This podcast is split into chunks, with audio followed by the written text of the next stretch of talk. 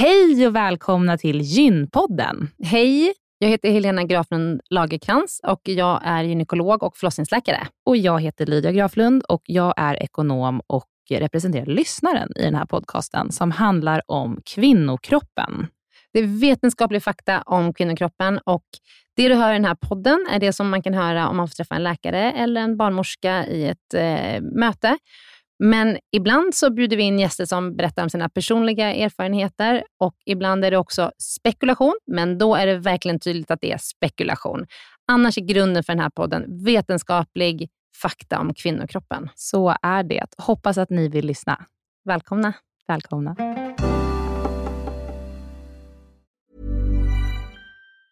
If you're struggling to lose weight, you've probably heard about weight loss medications like Wigovi or Zepbound, and you might be wondering if they're right for you. Meet PlushCare, a leading telehealth provider with doctors who are there for you day and night to partner with you in your weight loss journey. If you qualify, they can safely prescribe you medication from the comfort of your own home. To get started, visit plushcare.com slash weight loss. That's plushcare.com slash weight loss. plushcare.com slash weight loss.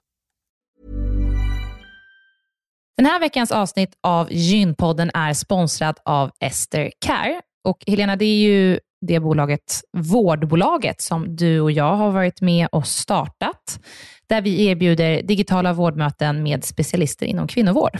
Precis. Och vi vet att det är väldigt mycket vårdpersonal som lyssnar på Gynpodden, vilket vi är jätteglada för. Och vi behöver alltid fler gynekologer till STKR. Så därför vill vi nu göra en shout-out till alla er som lyssnar där ute som vill vara med och förändra svensk kvinnovård.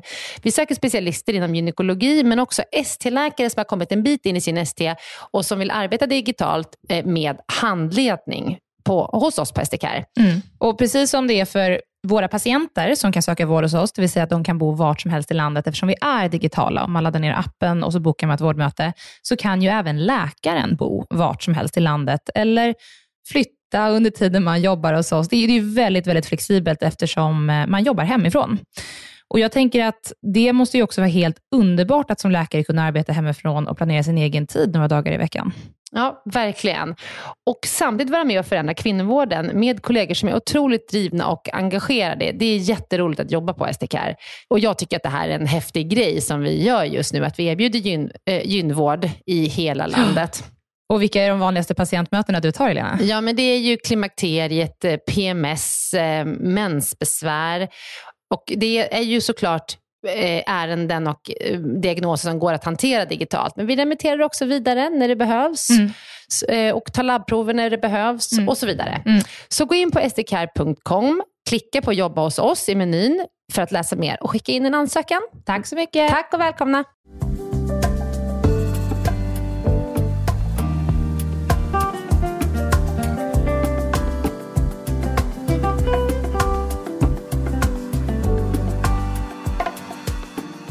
Och välkomna till Gympodden svarar. Hej. Hej doktor Helena. Hej. Idag Helena ska vi prata om någonting som jag har plockat upp över julhelgen. Där en ganska stor influencer har eh, kollat upp sina ägg för att kolla sin fertilitet. Okay. Och Det här är någonting som eh, jag har märkt att flera vänner har också gjort och att det har pratats ganska mycket om, framförallt tror jag när vi har kommit till 30-årsåldern, om man inte riktigt kanske är redo att skaffa barn, men man börjar undra om ja, man borde göra det för att man kanske får svårare att göra det sen.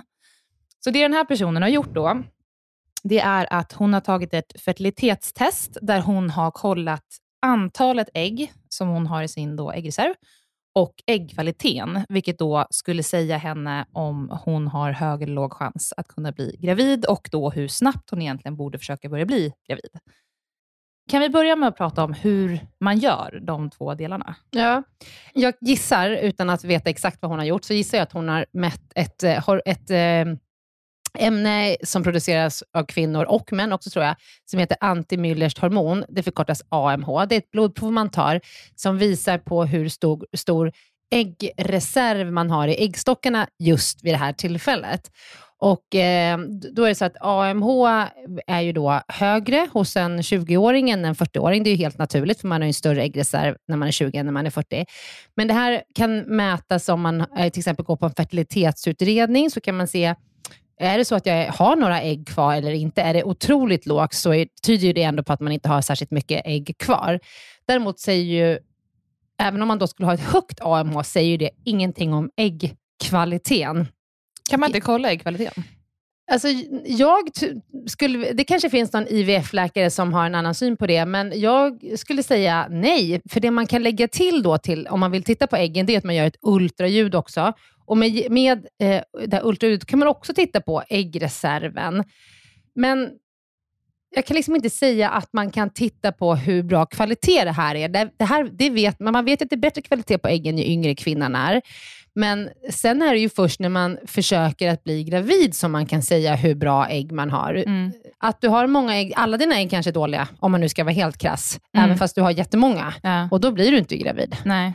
Eller du får olika jag missfall eller så. Jag känner ju Mm. igen det här från att vi har, har pratat om det här med andra läkare i andra poddavsnitt också. Mm. Och Därför blev jag så förvånad när hon skrev att läkaren kunde se att hon hade bra kvalitet, men hon hade en låg äggreserv. Och så Mm. märker man då att hon har blivit stressad över det här och har uppmanat andra kvinnor att gå och testa sig för Ja. att förstå sin fertilitet och att man inte då kanske ska vänta tills man är 35 om man kan tänka sig skaffa barn när man är 32 och så visar det sig att äggen börjar ta slut till exempel. Ja.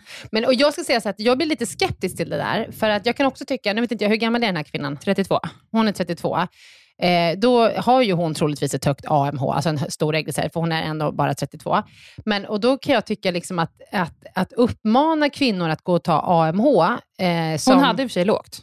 Hon hade lågt Ja, AMH. hon hade så. lågt, så det var Ja. det hon blev stressad över. Okej, Eh, förlåt. det står så här, äggreserven ehm, kan ha en skala och hon har liksom under den lägre delen av skalan Ja. för vad som är normalt. Okej, ja, men det, då, då, skulle jag vilja, då skulle jag vilja uppmana henne att försöka bli gravid så fort som möjligt. För då kan det ju ta lite tid innan man blir Ja. gravid. Och man Eller kanske frysa behöver, in ägg.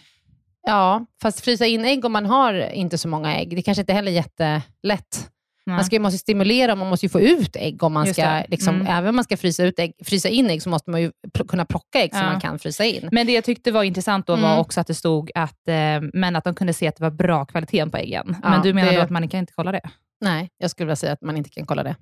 Hmm. Men, och att då, det, det jag också ställer mig otroligt frågande till, det är att, hur, att jag tycker att det är oseriöst av en person som har otroligt många följare att gå ut och säga till alla att man då ska testa det här hormonet. Det är nästan så jag tänker så här, är hon sponsrad? Mm. Alltså, är det här ett reklaminslag Mm. för något eh, labb som säljer det här testet? För det, Hon- finns ju jättemånga som skickar ut sådana här, du vet, testa ditt eh, hormon, hi- hittan och dittan. Hon, hon skriver att hon inte är det. Nej, okej. eh, och Jag tror bara att hon har blivit upp, alltså att hon känner att hon har fått information till Mm. sig som kan påverka hennes liv ganska mycket. Mm. Men jag kan i och för sig, när jag läser det, så kan jag säga, om man inte kan kolla äggkvaliteten, men däremot om man kan kolla hur mycket ägg man har. Mm. Absolut att det kanske blir en falsk trygghet om man Mm. ligger på en bra nivå, för du vet då inte kvaliteten på dem. Men du kan ju, ja, du kan ju i alla fall få veta om det är lågt och då verkligen få en spark i baken i att du behöver Mm. göra det här nu. Mm. Och Ja, det- inte vänta två år till för Nej. att det blir sämre utläge, eller utgångsläge. Då. Det kan jag hålla med om. Det skulle kunna vara, för, för den personen som då har en väldigt låg äggreserv vid 32 års ålder, så kan det bli en spark i baken att försöka börja skaffa barn direkt. Ja. Eh, och att man då har tid på sig att göra en IVF, eh, eller så om det är, om det är svårt, Ja. eh, på naturlig väg. Så det kan jag hålla med om, Ja. i det enstaka fallet. Men de allra flesta kommer inte ha lågt AMH i vid 32 års ålder, utan kommer ha ett normalt AMH. Och det säger ändå ingenting om hur lång tid det kommer ta för just den här kvinnan att bli gravid. Nej, jag Så det är lite falsk trygghet Falsk kanske. trygghet på det sättet. Ja, Mm. eller... Ja, jag vet inte. Väldigt intressant och Ja. att, eh, att hon skriver att eh, äggkvaliteten är bra. Ja. Vi skulle vilja dyka ner lite i då vad den läkaren har Ja, men hon bor inte på. i Sverige va? Jo. Hon bor i Sverige? Ja, Mm. Okej, ja, nej, jag vet inte. Nej, Men det kanske Okej. någon av våra lyssnare vet. Kan svara på. Ja, vi får Ja. se. okej. Men tack Helena för att vi Tack. redde ut det. Ja, tack så mycket. Nästa vecka har vi haft med en, eh, en riktig stjärna i podden. Stjärna på, på gynhimlen. Mm. Eh, Sahar Salehi som är gyncancerkirurg på Mm. Karolinska Universitetssjukhuset Mm. eh, har kommit till oss och poddat om gyncancer. Mm. Vilka olika sorter det finns, eh, vad, eh, hur man får diagnos och hur man behandlas. Och, eh, det är ju ett tungt avsnitt, tycker jag. Det är ju, Fast ändå inte. Jag trodde det skulle vara riktigt mörkt att Ja. podda om det här, Ja. men jag tyckte snarare att det blev väldigt intressant Mm. eh, att prata om vad det finns för olika typer. Och blev väldigt positiv. För Ja. Vi pratar ju också om väldigt, väldigt positiv utveckling för en del cancersorter. absolut. Och ehm, sen så gillade jag då inte att eh, äggledcancer, den är den svåraste. Äggstockscancer. Äggstockscancer Ja. är den svåraste att eh, identifiera. Den, den känns ju som en, Mm. en jobbig en. Ja, det är tråkigt. Eh, men vi pratar mm. mer om det här i, i poddavsnittet. Ja, så lyssna nästa vecka när vi, när vi poddar om gyncancer med Sahar Salehi. Mm. Tack så mycket för idag. Tack, hej. hej.